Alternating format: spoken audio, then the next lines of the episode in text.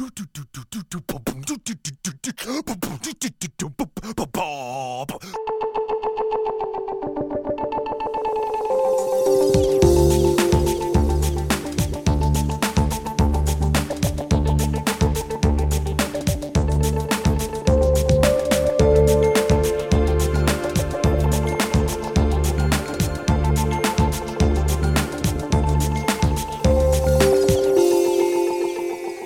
Hej och välkommen, det är fredag och är dags för ett nytt avsnitt av Obiter Dictum, eller även känt som Skriet från vildmarken, med mig Billy Rimgard och Tobias Norström. Hallå? Hej! Vad har eh, du haft för dig denna vecka som varit? Eh, alltså, vi måste väl gå tillbaka lite grann till förra veckan där det var, kom eh, riktigt, riktigt dystra nyheter med att Gliese 581G har försvunnit. Ja, lite, det är inte samma konsensus i forskarvärlden som det är i Obiter Dictum-studion. Nej, tyvärr. Eh, och om det då fanns en stri, ett strimma hopp efter vår podcast om Gliese 581G så slocknade väl den där då ett slutgiltigt kanske. Ja, det, men, men drömmen lever. Drömmen, le, drömmen lever. Nu, nu är dock ännu fler ljusår bort känns det som. Jag tänker på gamla Lustans Lakejer, låten Drömmar dör först. Det, det kan gå fort. Ja. Ja. Vi utlovade att vi skulle göra hemläxa Mm. i förra veckans avsnitt. Mm. Det kan ha varit så att eh, den här whiskyn du hällde upp eh, spökade till det lite för oss faktiskt. Ja, mycket möjligt. Jag har funderat lite på det där, just det här att lyfta någon, någon eh, låg grej och intellektualisera den, eller vad man ska säga. Men sen kommer jag att tänka på, vi har ju faktiskt pratat om Piranha, vi har pratat om eh, NFL, eh, vi har pratat, grottat ner oss i varför jag var och såg Linkin Park på Globen. Eh, och, och, alltså, är, är Vi inte har det... spenderat ett helt avsnitt med att diskutera Ja. skräpkultur i Guilty Pleasures. Precis. Och skräpkultur, eller liksom kultur som är strax över skräpkultur, att, att liksom behandla den och bearbeta den, är inte det liksom hela obiter dictums... Eh, Syfte. Ja. Ja. Vårt signum. ja, lite precis. Det är, det, det är ett pågående arbete vi gör. Vi behöver inte avsätta en programpunkt. Nej, det, när du sa det till mig så kändes kändes det ju liksom uppenbart att det, det är faktiskt så det är. Att det är det vi faktiskt ägnar oss åt på veckobasis här i Obiter Dictum. Eh, så att vi har helt enkelt skippat eh, eller inte, kanske inte ska säga att vi har skippat veckans läxa, men vi, eh, vi levererat ett helt avsnitt istället Ja. som, som, som gör den. Vi ser det som ett pågående projekt kan man kanske säga. Mm. Vad... Eh, du svarade inte på min fråga. Hur har din vecka varit? Jo men den har varit bra. Eh, Även jag har torskat på Friday Night Lights. Du berättade ju förra Mm. veckan om hur du eh, hade sett hela säsong ett där. Mm. Eh, Jag har inte riktigt kommit så långt än, men jag har i alla fall redan hunnit förälska mig i Tim Riggins, alltså Taylor Kitsch. Mm. Eh, Ett riktigt stycke ungt manskött. Det kan man lugnt påstå. Ja, han är het så det stänker om det. Jag, jag är ju halvvägs genom trean nu. Oj! Att, ja, Du, eh, du accelererar lite snabbare än mig. ja, precis. Jag är running back. Ja, jag, men jag håller mig trogen, eh, trogen P3 Kulturs eh, boxcirkel i alla Ja. fall. Ja. Jag tycker de har lite för långsamt tempo. Fy, fyra avsnitt per två veckor. Mm, ja. Ja, det är inget för den, den vane tv-serieentusiasten kanske. Nej. Och så pratar de alldeles för lite fotboll. Mm. Eh, det känns som att det måste bli mer av den saken. Ja. Ett upprop till fotbollskulturen. Eh, men jag har även grävt ner mig i Häxhausen äntligen. Mm. Eh, jag vet inte, det känns som att eh, vid en förs- första anblicken så är Häxhausen den här höstens, eh, eller ja, sommarens också för den delen, eh, dubstep. Mm. Men jag vet inte, samtidigt, jag, jag tycker att det är ganska mysigt ändå. Alltså, he, hela, hela, att, hela grejen med att ta den här mörka dubstep-estetiken i någon slags dreampop-riktning Mm. tilltalar mig ändå. Jag, jag, tycker också stundtals att det är bra. Eh, i, I liksom små, små glimmer av ljuspunkter. Ja, jag vet inte, det, men det funkar bra i hörlurarna ändå nu när det är faktiskt spöregnar ute känner jag. Mm. Eh, så jag vet inte, jag kanske slänger upp en, någon liten lista där på eh, värdiga lyssningar. Mm. Själv då, hur har veckan varit bra? Ja, absolut. Jag har jobbat lite för mycket för att ha tid att, se, ja, förutom då en och en halv säsong av Friday Night Lights. Men, men eh, det, det har varit väldigt mycket i luften. Men jag var med om en ganska intressant sak. Jag gjorde ett, ett litet reportage där jag intervjuade en, en, en gammal kvinna som flera gånger under intervjun utbrister Gud i havet när hon beskriver olika saker. Och om man inte får Cthulhu-vibbar av det så vet jag inte vad. Det var svårt att hålla sig för skratt faktiskt. För, eh, ja. Ja. Och sen har jag hört ryktas om att du har stekt The Event. Jag har stegt The Event. Ehm, Varom?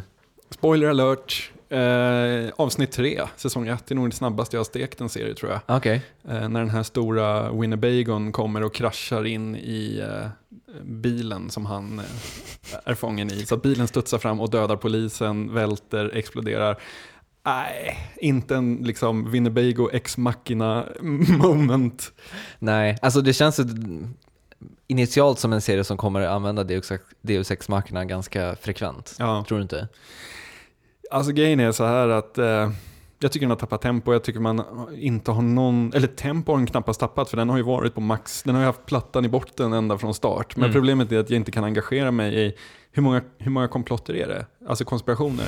Det kanske är, alltså vi har ju först, de ska döda presidenten. Det är en, De har de här aliensen eller vad det nu är. Jag kanske tror fortfarande att det är tidsresenärer.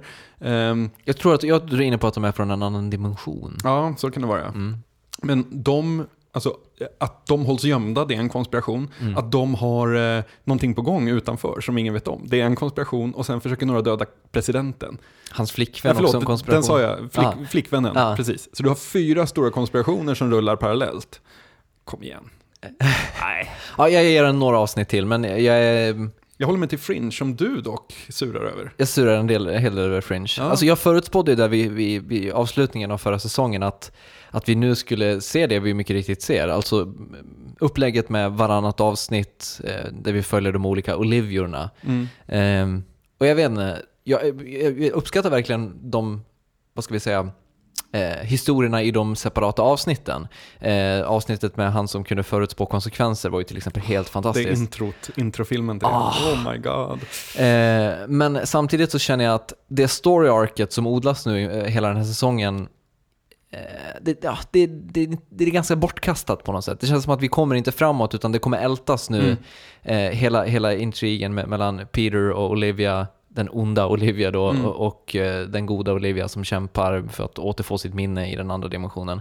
Eh, Det känns lite tjatigt och det, Mm. det känns som att de kommer dra ut på det alldeles för mycket. Ja, det finns väl en risk, men jag tycker ändå lätt att Fringe är den bästa action-tv-serien som går nu. Eller action, eller jag, vet, jag räknar inte in Rubicon, för det är ju liksom, den är ju bäst på något vis. Men, men alltså det här, ja, jag tycker allt annat bleknar i jämförelse. Jo, den är fortfarande väldigt bra, men, Mm. men eh, jag är li- lite sur. Sådär. sådär. Lite grinig. Lite purken. Ja, men det är vi vana med att ha dig.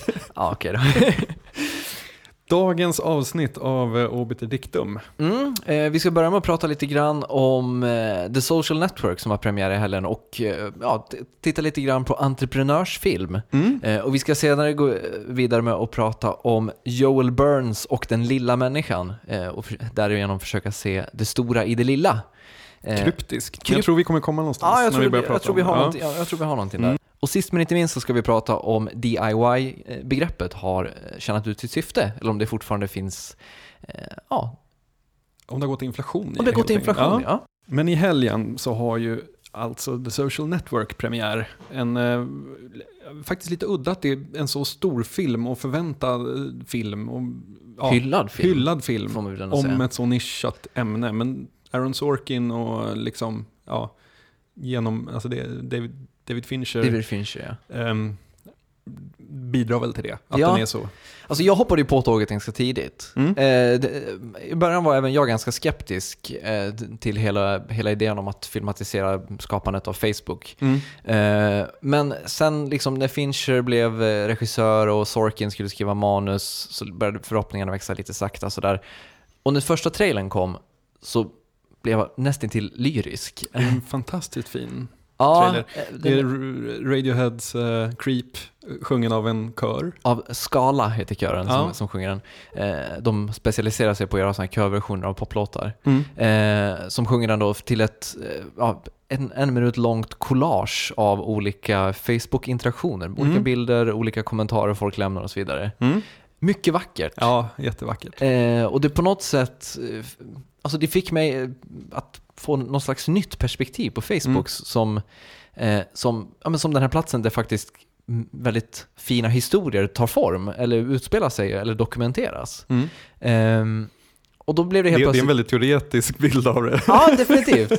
eh, men, men och sen på trailer, i trailern då så Mm. följde istället då ett collage av eh, den här Zuckerberg-karaktären och, och hans storhetsvansinne när han vill starta ett projekt för att träffa tjejer, Mm. mer eller mindre.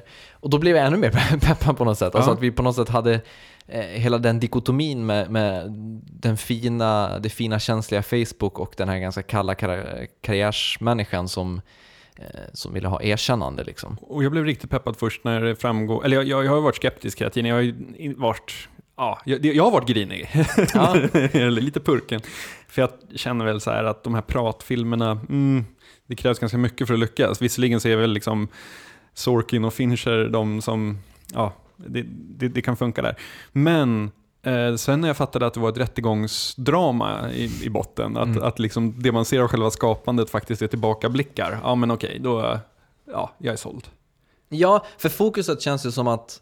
Alltså, men Aaron, Sorkin manus A Few Good Men, Ja. Hyf- hyfsat rättegångsdrama som han har. You can't handle the truth. ja, definitivt. Men då det känns också, hela, hela den grejen med att fokuset inte riktigt ligger på att eh, konstruerandet av Facebook, Nej. utan snarare på eh, alltså på dramat helt Mm. enkelt, mell- mellan den här ganska osympatiska Zuckerberg-karaktären och de som han då ja, skulle ha stulit idén från. Mm. Jag kommer ihåg på eh, 90-talet så hade vi Filmnet hemma. Det som sen blev Kanal Plus. Eh, och då sändes ju väldigt mycket så här made for TV movies, Mm. just så entreprenörsfilmer. Jag såg en som hette Pirates of the Silicon Valley som var ja, men hela Microsoft-grejen.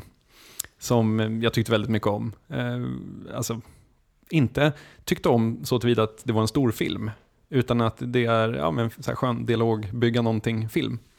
Ehm, så jag, jag tror att det kan bli bra det här helt enkelt. Jag, jag vet inte var jag ska landa i det här resonemanget. Jag, jag, jag bara konstaterar att jag har någon så svag svaghetsgrej för just entreprenörsfilmen. Ja, men eh, gäller det all entreprenörsfilm? Entreprenörsfilm handlar ju oftast om brotts, brottslingar, eller hur? Alltså så Ja, mer eller mindre i alla fall. New Jack City där de bygger upp ett heroinimperium i New York och Casino tänker jag på också. Ja. Och de här maffiagrejerna, alltså, det finns ju den här klassiska voice-over-greppet i entreprenörsfilmer. Att så här, livet lekte, det kom in pengar varje dag, vi kunde köpa bilar och bla bla bla.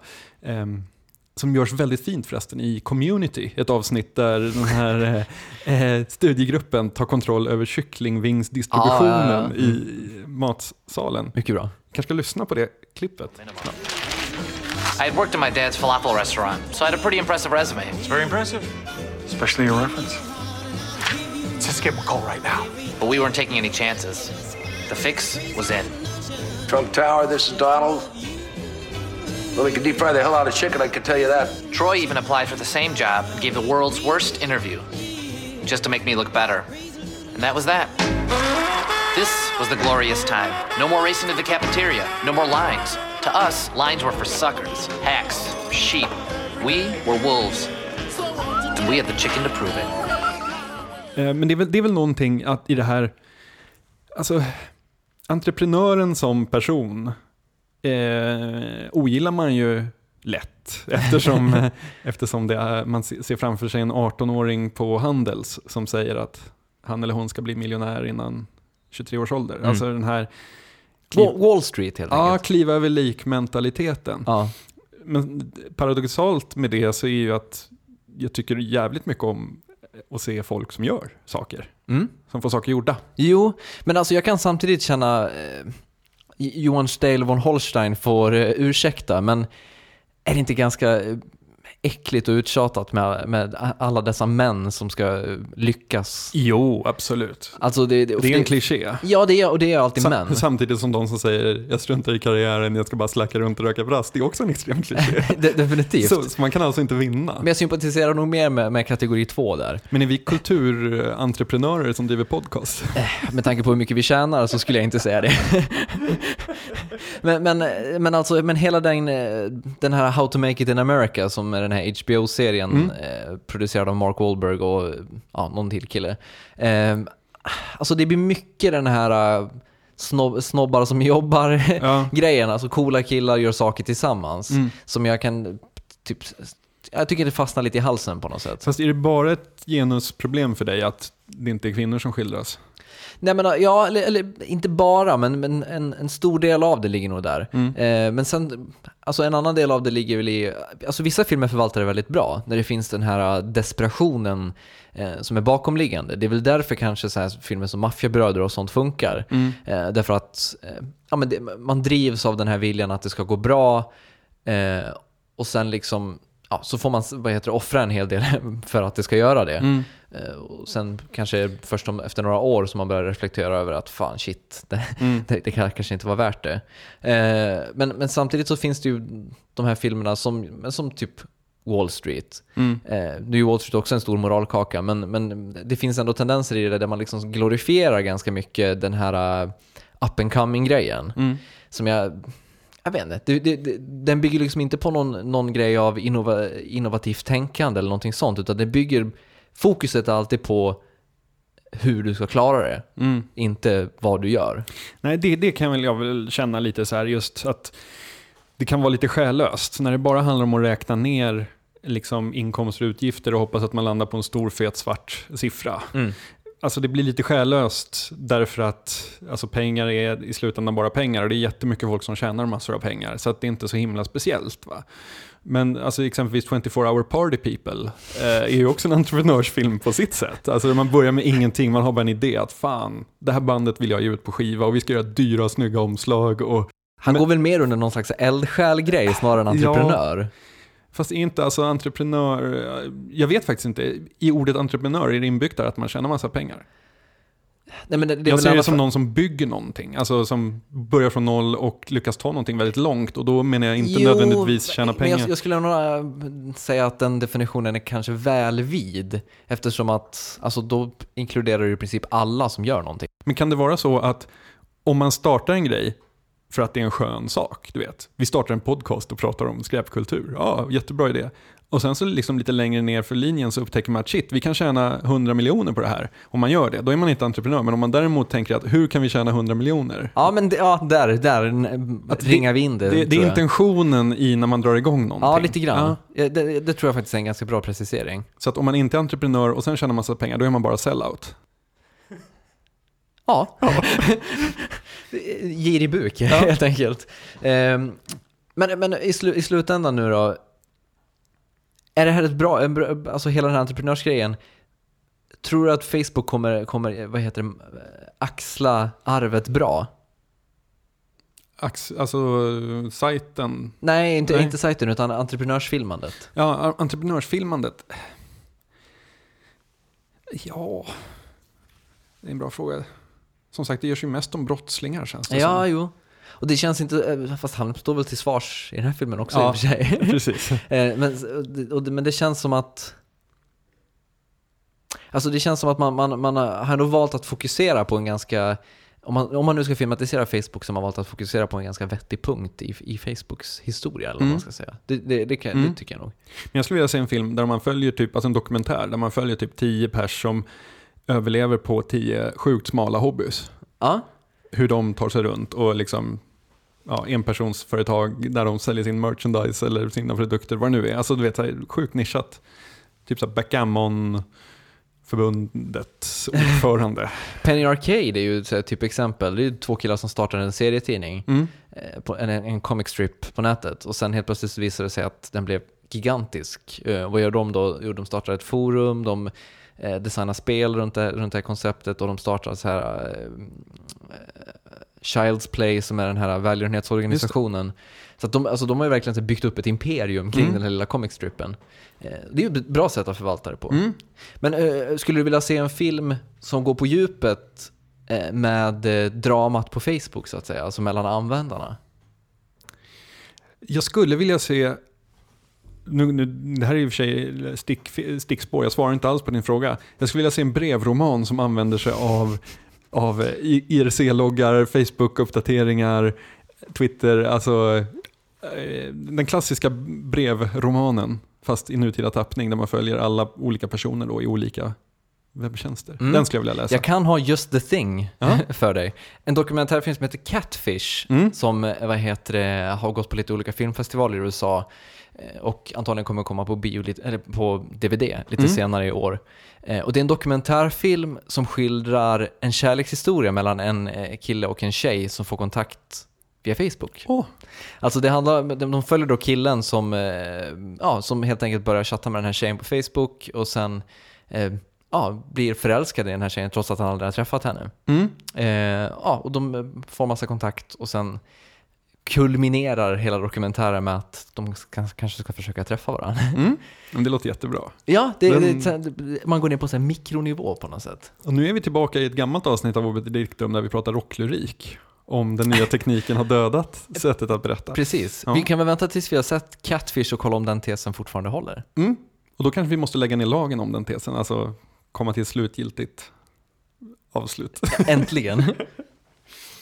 Men om vi stannar kvar lite grann på mikronivå eh, så var det ju en councilman, jag vet inte om det finns någon bra svensk översättning på, på den eh, titeln. Kommunråd. Ja, ett kommunråd. Kommunalråd helt enkelt. Kommunalråd. I, i ett, en kommun i Texas som här i veckan höll ett brandtal eh, i stadsrådet där eh, om homosexualitet och självmord runt om i, i den här, det här området som han ansvarig för. Han heter Joel Burns och talade ut om, om hur han själv hade upplevt sin uppväxt som homosexuell och framförallt så talade han ja, direkt till de unga homosexuella i det här området om att de skulle hålla ut. Det var en del av kampanjen It Gets Better. Precis. Som är på grund av att det har varit många självmord eh, bland unga homosexuella i USA nyligen. Ja, och det, det är ju extremt rörande att, att se Joel Burns eh, prata. Vi länkar givetvis till klippet eh, från vår blogg oddpod.se. Ehm, och jag blev otroligt rörd Mm. eh, av att se en, en människa öppna upp sig på det sättet i det forumet. Och den här historien som han berättar in, in public där, han hade ju inte berättat det för sin familj och Nej. sina vänner eller någonting. Det var ingen som kände till den. Nej, precis. Och det, det, är alltså han beskriver verkligen ja, privata, intima delar av sin uppväxt. eh, på ett väldigt ärligt, uppriktigt sätt. Som, eh, jag läste flera här, kommentarer på det här klippet och på andra sidor runt om på nätet eh, där man skrev att eh, ja, jag är säker på att du räddade många liv genom det här talet. Och det, alltså, det kan jag verkligen tänka mig. Den kommentar som har fått flest så här, tummen upp till det där klippet, det är någon som skriver “This dude fucking rocks”. Ja. Det kanske inte är så jag skulle formulera mig efter det här ganska gripande talet, men ja, det är det han gör. Alltså, Ja, verkligen. Eh, Men samtidigt, jag känner ju, när jag såg det här klippet så började jag fundera lite grann. Alltså parallellt med att Joel Burns eh, griper tag i mängder av användare på YouTube genom att hålla det här brandtalet eh, så ser man att Jackass 3D går upp på första platsen på amerikanska biotoppen. Eh, tätt följd av actionstänkaren Red. Ja. Eh, 100% eskapism Mm. kontra 100% realism med Joel Burns. Mm. Men varför är vi så benägna att i större utsträckning konsumera eskapismen? Är realismen bara för jobbig? För att, det- förstår du vad jag menar? Det finns ändå så sjukt mycket krut och så sjukt mycket, mycket bra material i den här realismen på något sätt. Personligen så kan jag känna att när, när eh, man hör reportage och dokumentärer om verkliga saker som har hänt, som är fascinerande, spännande, eh, häpnadsväckande och så vidare, så tycker jag det är mycket roligare att höra de här sanna historierna. Mm. Men däremot de här som är ganska jobbiga och känslosamma, man drabbas ju mycket hårdare av dem när det faktiskt är på riktigt. Eh, det är svårt tycker jag att lyssna på, jag lyssnar ju, och det är ju du med, eh, This American Life, en amerikansk eh, eh, dokument, ra- radioreportageserie. Mm. Och även en väldigt framgångsrik podcast. Ja. Ungefär lika stor som Obit Dictum. Ja, nästan. Men där, i den kan jag för, ibland fullständigt ramla av stolen av de här fantastiska historierna. Men ganska ofta måste jag också stänga av för att det blir för jobbigt. Alltså när det är de här riktigt, riktigt tunga. Och det är inte tungt på något så här Roy Andersson-vis, utan det är bara så här, det är så gripande. Alltså när man hör folk som faktiskt berättar om, om det, Mm. det som har hänt dem. Ja, men och samtidigt, eh, alltså, om vi kollar på andra sidan av spektrat, alltså om det är någon slags realism om vanliga människor, eh, om vi kollar då till det som är ja, någon slags konstruerad realism. Jag Mm. tänker på så här, Jersey Shore i svängarna, eh, i svängarna, i Sverige, Kungarna av Tylösand, Robinson har precis börjat, Paradise Hotel har precis börjat. Mm. Alltså här där man så här spektakulariserar, om det är ett ord, verkligheten så att det ska bli, ja men precis ett spektakel av alltihop. Det ska, Hänga runt, glida runt, låna pengar. Ja, precis. Eh, där, där finns det ju på något sätt hela motsatsen Mm. eh, till, till den här realismen som Joel Burns står för på något Mm. sätt. Eh, men det är ju samtidigt det vi ser på tv. Alltså, Mm. Alla kanalerna har ju någon form av sån här satsning. Möjligtvis att SVT håller sig lugna.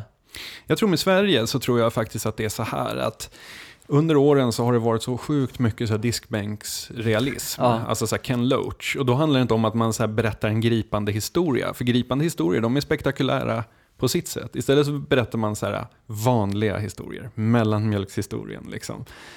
Där det bara är grått och alltså ja, proggen. Alltså, jag tror vi, vi kan skylla på proggen på väldigt, för väldigt mycket tror jag. Och det, därför tror jag att, att vi i Sverige är ganska dåliga på att producera just den där sortens ja, dokumentärer, eller vad man ska säga, som, som man ofta ser i USA, väldigt fina. Och det tror jag är för att, ja men liksom, Du menar att dagens kulturproducenter gör, gör upp med sitt arv helt enkelt? Ja lite så. Och sen tror jag också lite att det är så här vardagsskildring i Sverige. Det är den ensamma mamman som hämtar sitt barn och stressar hem och steker några stackars färdigköpta köttbullar. Sen går barnet och sover och hon tömmer upp en halv kanna vin. Förstår du vad jag menar? Jag förstår precis vad du Alltså det menar. blir en sån otrolig så här, social realism direkt istället för och den, den fyller väl sin funktion också, men jag tror att det är därför vi i Sverige ryggar undan för det där. Medan man, alltså, att de, de här fantastiska historierna, som må vara sorgliga och må vara djupa och så vidare, vi är ganska dåliga på att berätta dem kan jag uppleva. Mm. Alltså det finns ju något spektakulärt det med, men det är ju samtidigt ett, bety ett betydligt ner, mer nedtonat spektakel. Mm. Eller fokuset ligger inte på eh, någon slags freak-nivå, eller vad vi ska säga. Ehm, om jag, kontrar där då med att, du- med att du säger att vi är mätta på diskbänksre- diskbänksrealismen. Eh, om jag kontrar det med Rainer Hartlebs eh, Jordbro-svit. Mm. Eh, har du sett den? Ja, De är ju fantastiska. ja jätte, jättebra. Och de följer ju verkligen så vanliga människor från sju års ålder Mm. till 40 någonstans. Och där är det på något vis eh, spannet på, eh, tidsspannet som gör det spektakulärt, Ja. eller som gör det värt att berätta. Jag tror att det kanske har gjorts lite, alltså att man tagit det lite för lätt ibland och bara så här, nu ska vi åka ut och berätta den vanliga människans historia. Och man måste ändå hänga upp det på något. Alltså, Ja. Jo, det tror jag definitivt. Men, men just där, alltså jag älskar den eh, näst sista delen i den serien som är den här Alla mår bra. Mm, Eh, då, för då är första gången på ganska länge så återvänder, återvänder han till de här människorna från Jordbro. Eh, om inte alla vet det så Jordbro är alltså en förort till Stockholm kan man säga. Gudsförgäten förort till Stockholm. Definitivt, ligger strax söder om Haninge. Ehm, men då återvänder han till alla de här människorna och de berättar då vad de, har- ja, vad de haft för sig sedan de träffade honom sist. Mm. Och de ja, målar upp det som att jo, men det, alltså, det har väl inte hänt så mycket. Men när de börjar berätta så hör Mm. man liksom de här fantastiska historierna om det är liksom de har haft barn som har varit nära att dö, de har förlorat släktingar, de har varit utan pengar, de har varit missbrukare. Mm. Alltså i alla de här människorna som han bara har valt ut på random så finns de här fantastiska historierna Mm. som man absolut aldrig tänker på. Och det finns ju nästan jämt tycker jag när man intervjuar folk. Joel för så här- Burns-syndromet Ja. liksom. Men just när man intervjuar folk för något reportage om ämne X och sen sitter man kvar och snackar lite längre så visar det sig ofta att det liksom döljs fantastiska historier. Och just det här gamla begreppet att verkligheten överträffar dikten. Jag måste bara säga det, för mig som läser mycket science fiction så är det ett jävla hån, givetvis. jag gärna skulle sett att verkligheten överträffar dikten när det gäller det. Men om vi tar bort det och tänker så här vanligt jordnära drama, då är det ju ändå ofta så att verkligheten överträffar dikten. Mm. Men jag tror också att det är så här, ehm, när man som författare till en eh, film, säger vi, ehm, det, det upprättas något slags kontrakt mellan tittaren och författaren, eller regissören. Så här att okej, om du köper alla de här hålen i storyn så tar jag med dig på en jävla resa. Alltså, vi pratade om det med Inception exempelvis. Mm. Att man, Suspense of disbelief. Ja. Ehm, och ofta så är ju verklighetens historier så jävla spektakulära att det kontraktet skulle brytas någonstans. Jag var på ett bröllop där brudens farfar höll ett tal om så här, bandet mellan man och kvinna. Och han berättade att han i slutet av 70-talet varit i Stockholm och jobbat. Så körde han hem på kvällen till, han bodde i Floda eller någonting sånt där. Och så stannade han eh, på en mack för att fika. Och så hade de en sån här loppmarknad bredvid. Och då såg han en tavla som han tyckte att åh den där skulle min fru gilla. Så han köpte tavlan. Kom hem sent på kvällen, eller natten, så hon låg och sov. Eh, sen väcktes han på morgonen av att hon bara skrek i köket. Typ så här. Då visade det sig att hon hade när hon var typ 17-18 målat den här tavlan. Någonstans uppe i Dalsland. Och han kände inte ens till att hon hade målat en gång i tiden. Så där. Det var, de träffades långt senare. Och den hade hon gett bort till någon granne, så det var väl någon så här dödsbo som hade letat sig fram. Och grejen är så här att vi hade kunnat, alltså om, om, om vi skulle försöka skriva en bok om det där, eller liksom en, en film. Eh, jag tror att läsaren eller tittaren hade köpt att den där tavlan sent i livet letar sig tillbaka till henne på något sätt. Men jag tror inte de hade köpt att han stannar, går förbi den och tänker hmm, den där skulle nog hon tycka om. Förstår jag menar? Där, det är en bugg där. Det Mm, blir liksom definitivt. för spektakulärt. Eh, Carlton Hughes och eh, Damon Lindelof, de pratade om det här i Lost. De som gjorde Lost. Ja, precis. Skaparna av Lost. De pratade om det i en, en Lost podcast bland annat. Alltså, det var någon eh, tittare som hade mejlat in och sagt att ja, men de, när de här människorna träffar varandra hela tiden i eh, världen utanför ön, det är så jävla otroligt, det skulle aldrig hända. Eh, och då beskriver eh, Damon Lindelof hur när han var liten eh, åkte till Disney World med sin eh, familj i Florida. Eh, och när han var på Disney World då eh, träffar George Lucas och tar då en bild med honom, eh, och liksom, ja, Damon Lindelof är här typ 13 år gammal, George Lucas är väl det häftigaste han kan träffa. Eh, så han, han har den här, kvar den här bilden då på honom och George Lucas när han är väldigt ung. Eh, sen då när han träffar Carlton Hughes som är betydligt mycket äldre än Damon Lindelof så visar det sig att den här gången när han träffade George Lucas så var även Damon Lindelof, eller så var även Carlton Hughes där tillsammans med George Lucas. Därför att de arbetade tillsammans med någon produktion ja, och hängde på Disney World helt enkelt. Vilket är så här helt stört att ja, men Damon Lindelof träffade George Lucas och visste inte att Carlton. Hughes var där. Sen 20 år senare så sitter de och producerar en tv-serie tillsammans liksom. Visst. Det är så här, så att de, deras poäng var liksom att de här extrema sammanträffandena, de finns överallt hela tiden. Ja. Eh, bara det att, ja, ma- ma- Synkronicitet, eller vad heter det? ja, vad heter det? Stage, stage. Ja. ett, ett krångligt ord. Ja. Eh, Stochasticity. Stochasticity, ja. Exakt. Eh, de, men de grejerna finns liksom överallt. Mm. Eh, men du, är inne på det här med att här, man i film drar sig för att skildra sånt. Mm. Jag skulle säga att det, det, för att citera Carl Sagan så handlar det, det är a case of extraordinary claims require extraordinary evidence. Ja. Alltså, när en, en, en, en, någonting händer i verkligheten, som att till exempel två plan kör in i, i, två skyskrapor på Manhattan. Mm. Eh, när det händer i verkligheten så har vi bevisen. Mm. Och då är det liksom inget svårt att tro på det. Men om någon bara säger det, ja men en eh, terroristcell från, med, med mycket Saudiarabier kommer köra in två plan i World Trade Center så känns det avlägset liksom. Tom Clancy sa ju det i en intervju på CNN dagen efter 9-11 att eh, om han hade skrivit det där som ett synopsis så hade liksom förlaget refuserat det. För då, man hade Är det direkt, sant? Ja, för man hade direkt börjat liksom hitta hålen att nej men de skulle aldrig kunna gå i flygskola i USA och bla bla bla hit och dit. Eh, men, men vad är det då som, alltså, när vi vet ändå att de här fantastiska grejerna händer. Alltså den här, om vi tar 9-11 och sen den här gubben som hittar eh, tavlan och Carlton Hughes, Damon Lindelof. När vi vet att det händer, hur kommer det sig ändå att vi sitter där och ser Lost och tänker så här, ja men fan, inte, alltså alla de här kopplingarna mellan personer. Vi borde ju ha lärt oss, eller hur? Jo, men samtidigt så handlar alltså, det, återigen, extraordinary claims Mm. demands extraordinary evidence. Alltså att för att vi ska köpa hela den grejen så måste vi eh, på något sätt ha, ha en bakgrund som gör att vi kan tro på det. Mm. Eh, när, alltså när vi går och ser en film så vill vi ändå ha vissa parametrar som gör att det vi ser stämmer. Ja, Vi, sen kan vi köpa att så här, Arnold Schwarzenegger reser tillbaka i tiden för att döda John Connor i Terminator. Det har vi inga problem med alls att köpa, så länge vi får rätt parametrar. fast samtidigt så känns det som att så här, du vet, actionfilmen, vi har pratat om den, just den här situationen tidigare när rånaren får en kvinnlig gisslan och hon bestämmer sig för att följa med honom resten av filmen. Eh, så här, och, och det är ju så ett vanligt grepp, för vanligt och töntigt rent ut sagt. Att man har ingen ambition eller motivering alls till varför man, hon ska göra det.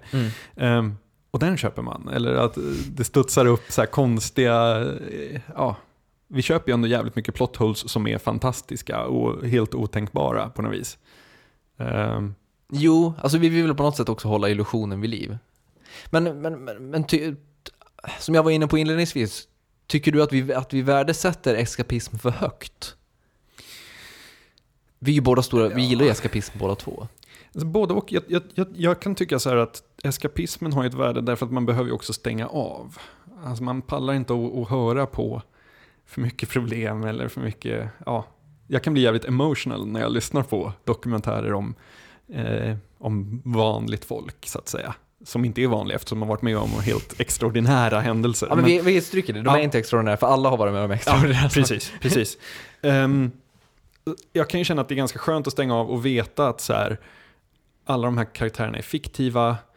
Alltså när Don Draper i Mad Men alltså, beter sig som ett svin och är otrogen och bla bla bla. Så kan jag ändå så här, jag kan skita i det för han är ingens pappa. Han är ingens man, han är ingens kompis. Samtidigt som liksom, om, om en kompis skulle vara liksom, om man vet att en kompis är otrogen och man, man, man känner den personens pojke eller flickvän så blir det så här, åh vad jobbigt, hur ska jag hantera det här? Förstår du vad jag menar? Att, att det är ganska skönt att kunna bara stänga av. Okej, ja, jag förstår precis vad du menar, men för mig, alltså, eh, när jag ser Mad Men så är det väldigt mycket för mig att, att jag tänker att Don Draper, det där är någon, ha, eller har varit någons pappa.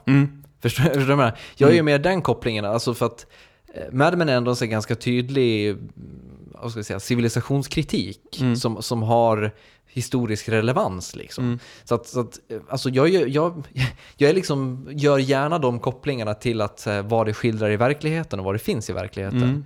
Så jag, jag vet inte, det kan, kan vara jag som är störd. Jag, jag läste en essä av Myra Janko Daniels som var gift med Draper Daniels som var kreativ chef på Leo Burnett på 50-talet. Ehm, I married a madman heter den eh, artikeln. Och han var ju mer, skaparna säger ju att Don Draper inte bygger på honom. Eh, det, det kan man väl fundera på sanningshalten i, men han var ju ännu mer spektakulär än Don Draper. Alltså. Mm. Han, tog, han, han körde henne i en, eh, han sa att hon, hon skulle följa med på ett möte och så körde han till eh, tingshuset och drog med henne in i en, eh, en vigselsal och sa nu gifter vi oss. Alltså eh, verkligen så helt, helt out there. Ehm, och hade man gjort Don Draper så, då hade folk tyckt ja, okej, så, så går det ändå inte till. Så gör ingen. Nej, Nej jag förstår precis vad du Ja. menar. Eh, ja, det, är- det är ju tufft det där. Jag måste, det finns ett, ehm, ett avsnitt av This American Life. Där är han som är journalisten där, Jack Hitt heter han, eh, radioreportern. Han berättar om hur han, han var med och organiserade en, en, en strejk i New York. Eh, bland eh, hyres, eh, hyresgästerna i ett hus, för det var så ned, nedgånget och sunkigt. Eh, och då så blev han ovän med någon som heter Bob, som var fastighetsskötaren där. Och Bob var ju helt galen, för han berättade att så här, i Brasilien så hade han så här, immunitet för mord. Han fick mörda folk till höger och vänster utan att bli ställd inför rätta. Och, eh, när någon hade stulit eh, lampor utifrån eh, farstun så sa han att eh, de numera är booby-trapped och sånt där. Så folk tyckte att han var värsta, ja, vad heter det, mytomanen.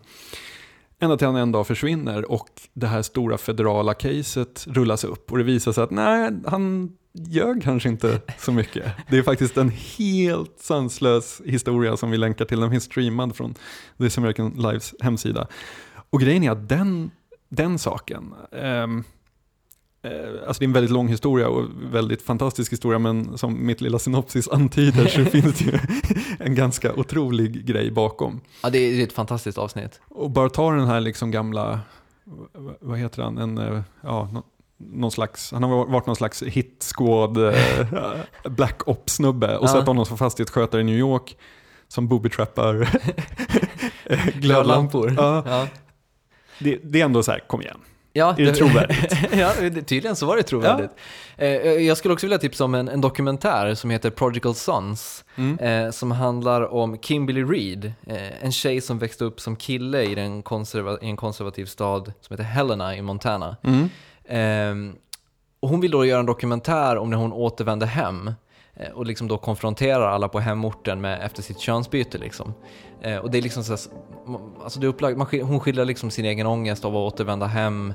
Eh, ja, hennes oro över vad, vad alla ska säga liksom. För att hon, hon har liksom brutit med den här hemstaden och jobbar nu som redaktör på en tidning i New York. Alltså has all things going for her.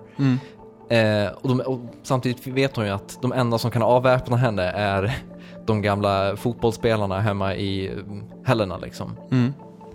Eh, Men hon kommer hem då till sin familj som hon inte har träffat på jättelänge och det visar sig att ja, men staden har inte så stora problem med det här. Utan de liksom kommer ihåg henne som, eh, ja, som, som han var. Ja. Istället då så upptäcker hon, eh, en, eller hon återupptäcker relationen med sin eh, bror Mark, som är, visade sig adopterad. Eh, Han har nämligen varit med med bilolycka massa år tidigare, som, vilket har gjort att han har fått en del av hjärnan bortopererad. Vilket gör att han får så här, koleriska anfall där han blir jätteaggressiv och, och ja, helt tokig. Eh, så att hon liksom märker att Mark har problem. Eh, så att hon, hon liksom känner att det är dags att ta sitt ansvar och stötta familjen. Och mitt i allt det här så kommer det fram att eh, Mark, Marks biologiska föräldrar är, håll i hatten nu, Orson Welles och Rita Hayworth. Så han är alltså deras oäkting till unge som har bortadopterats. Eh, hon, hon, Kimberly säger i dokumentären att, vad heter det, att Mark har hela sitt liv varit så här, avundsjuk på henne för hennes gener för att hon har sina biologiska föräldrar. Och helt plötsligt är det Kimberly som är avundsjuk på, på Mark för att han är så här, ja men har Orson Welles och Rita Hayworth i släkten liksom. Ja. Eh, vilket ju liksom helt plötsligt öppnar upp historien något enormt. för att helt plötsligt så vill alla de här gamla kompisarna till Orson Welles vill träffa Mark och för att ja, men han är ju den förlorade sonen liksom. Ja. Så att det är liksom, eh, titeln är briljant i det, i det avseendet, Prodigal Sons. Alltså hon då som återvänder eh, och tror att hon ska göra den här dokumentären om sig själv som visar sig handla om någonting helt annat. Och den här brodern Mark blir sämre och sämre och liksom samtidigt har det här gigantiska arvet. Eh, Otroligt. helt alltså. fantastisk dokumentär. Otroligt. Eh, vi ska se om vi kanske, den finns nog i sjön, vi kan nog länka till den på, på vår hemsida. Och det är ju en, eh, att göra dokumentärer själv är en bra övergång till vårt avslutande ämne här idag. Eh, do it yourself, DIY. DIY. I den kulturen kan vi stryka ett Det är väl lite det vi pysslar med här? Ja, Är det inte? Ja, Vi, jo. det, det finns ju inget produktionsteam bakom nu. Nu blir vår producent Anders här jättearg. han fäktar med armarna i kontrollrummet. ja, och, och, våra, våra researchers ser inte heller särskilt glada ut. Nej, nej. Eh, do, do, it, do it yourself-kulturen. Eh, varför ställer vi oss frågan om eh, det är mening att prata med om den längre? Ja, alltså om man tänker i, i vårt expertisområde, musiken, Mm. så känns det definitivt som att begreppet är helt dött. Mm. Eh, förut så stod ju det för någon slags här garageband som spelade in demos på eh, taskiga 8-tracks liksom. Mm. Eh, Medan idag så är det, liksom, är det inga problem för eh, valfri person att driva ett eget skivbolag där man eh, kastar ur sig hur mycket släpp som helst i princip. Nej. Eh, så där känner jag att där har d- do it yourself-begreppet tappat i värde, garanterat. Mm. Sk- skriver du under på den? eh, Både ja och nej. Vi, vi kan prata lite Ja, till. Jag kommer... Ja, mm, Eh, mm. Men jag skulle här då vilja utvidga tesen Mm. till att eh, begreppet även håller på att tappa, tappa i värde eh, i de större produktions... eh, vad ska vi säga? De större produktionerna vad gäller tv och film. Mm. Eh, och som exempel tänkte jag då bolla upp tv-serien Pioneer One. Eh, som görs av ett gäng amerikaner eh, och finansieras av tittarna. Mm. Eh, de släppte helt enkelt ett pilotavsnitt som de själva sparade ihop till eh, på nätet för gratis nedladdning. Och sen om du gillade det så fick du donera pengar eh, och så gick pengarna till att spela in första säsongen. Eh, det tog en vecka, sen hade de tjänat in den budgeten som de behövde och de håller just nu på att spela in resten av, av säsong ett. Jättebra pilot för övrigt. Ja, helt fantastiskt. Och det, den visar också på något sätt att alltså, du kommer ganska långt eh, på eh, seriositet och kreativitet bara. Mm. Eh, skådespeleriet är kanske inte hundraprocentigt hela tiden i, i den här serien, men manuset är helt fantastiskt. Mm. Ehm, och där, där på något sätt, jag känner att där öppnas det upp hela den här grejen med att eh, även en sån sak som en tv-serie går att göra utan att du har en stor studio som backar upp dig eller eh, massa kontakter inom showbiz som, som vet hur du ska göra. Mm. Eh, givetvis genom ny teknik då. Mm. Eh, hur, ställer du dig nu?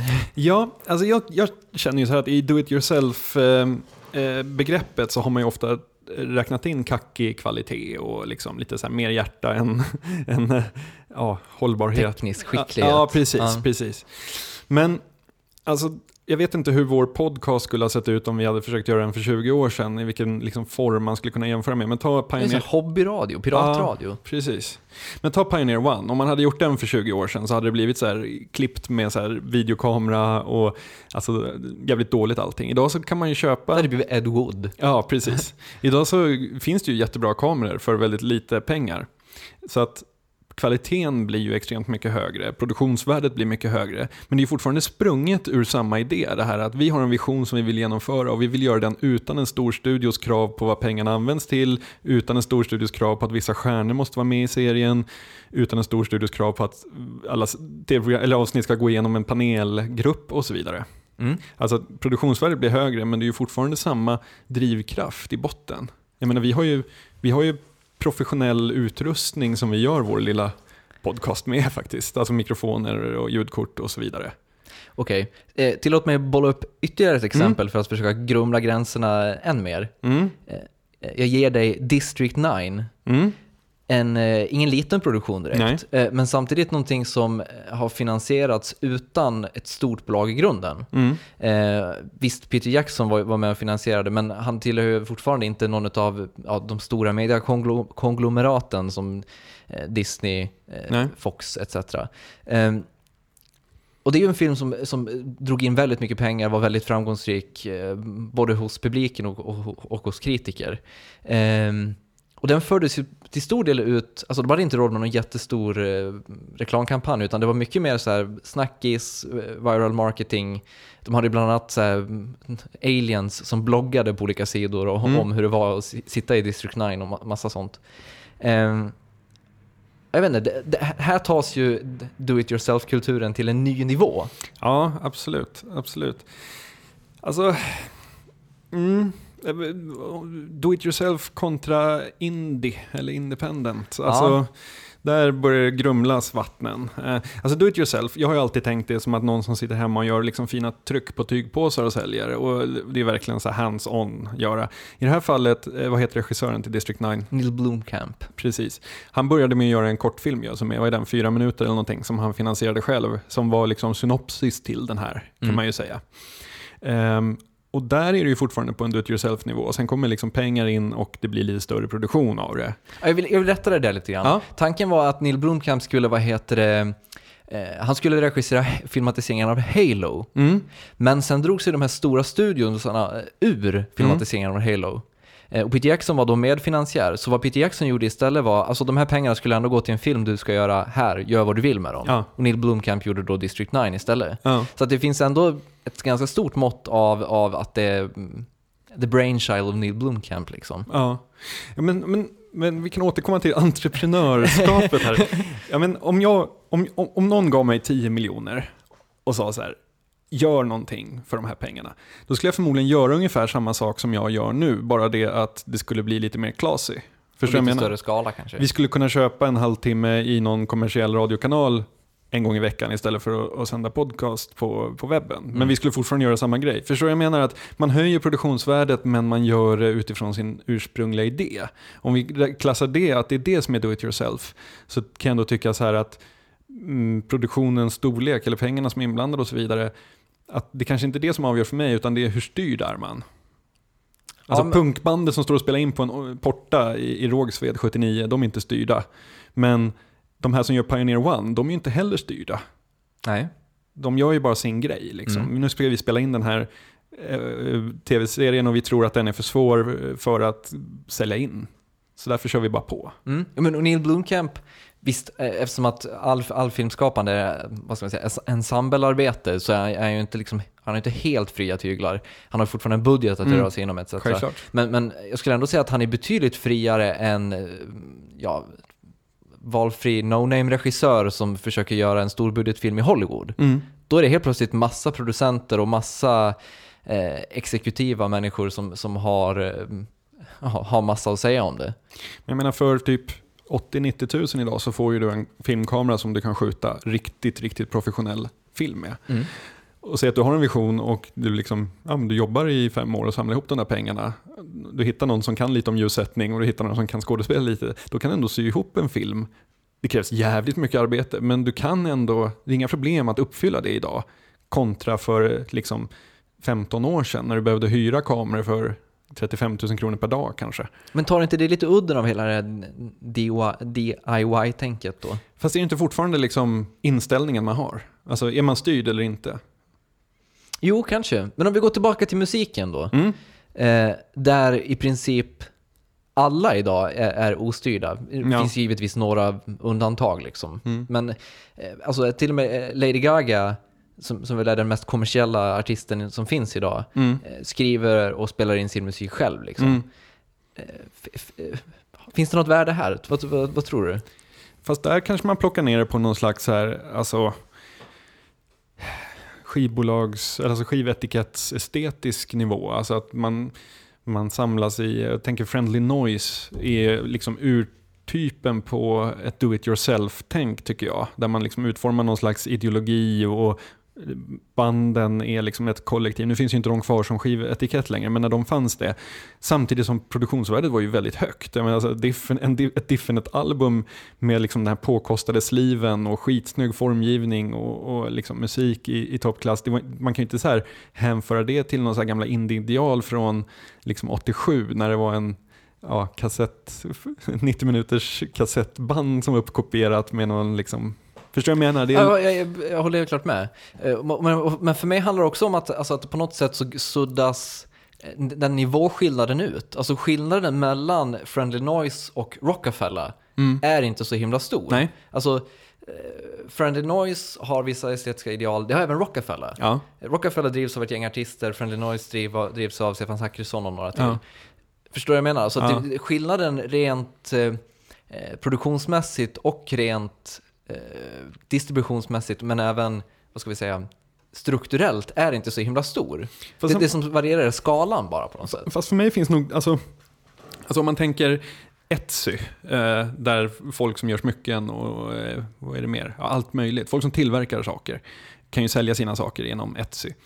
Och för mig så finns det ändå ett värde i om eh, något sånt här eh, eh, skärpspänne är liksom handsmitt av någon got i liksom Heartland America eller om det är utstampat 200 000 i timmen på någon fabrik i Taiwan. Förstår jag menar? Att alltså, man tillskriver ju värden när det är do it yourself.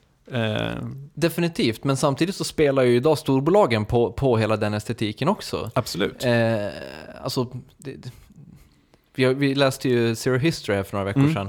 Det, det, det känns väl definitivt relevant i, i i ljuset av den på något sätt. Alltså Mm. att, att, alltså att hela, men hela den skillnaden försvinner mer och mer. Alltså, men att exklusiviteten är viktigare än, än eh, de faktiska, vad ska vi säga, produktionsvärdena. Mm. Men så vi det- DIY, utspelat eller inte, delade meningar eller? Jag tror det. För mig, för mig eh, finns det kvar som någon slags eh, ja, konstruerat värde är det ju definitivt, men det finns ju kvar som någon slags värde i att ja, särskilja det, det, det ut, ja, skillnaden mellan prefab-köttbullar och gårdsmejeri helt enkelt. Ja. Du lever i en illusion säger jag, men jag, Ja. jag, jag köper det. Och vi har nått slutet av veckans podcast och det är därmed dags för postskriptum. Ehm, och i linje då med de här fantastiska historierna så tänkte jag tipsa om någonting som eh, när det kom blev väldigt bespottat, hånat, kritiserat. Eh, det är nämligen Lars Noréns dagbok, en dramatikers dagbok. En svart härlig tegelsten eh, där Lars Norén redogör för sin vardag. Eh, och man ska inte låta sig avskräckas av eh, omfattningen av det här litterära verket utan låta, låt er istället sjunka ner i eh, Lars Noréns långa och fina redogörelser för allt ifrån adoptionsmöten till shoppingsessioner på NK. Jag ska tipsa om en podcast som heter The Moth som är en eh, storytelling-serie som pågår i, New York där vanliga människor kliver upp på en scen och utan eh, manuskript eh, får prata i tio minuter om en, en upplevelse har varit med om. Och kravet är att det är, eh, måste vara helt sant och det finns en del riktigt fantastiska vanliga historier där i. Mm, fint. Det var mikroperspektiv på veckans podcast. Väldigt mikro. Ja, fint. Mm. Eh, vi, vi vill som vanligt att ni hör av er till oss med synpunkter till kontakt.oddpod.se Och på vår blogg, oddpod.se. Och- så länkar vi till allt matnyttigt. Absolut. Tack för eh, den här veckan. Vi ses nästa vecka. Tack så mycket.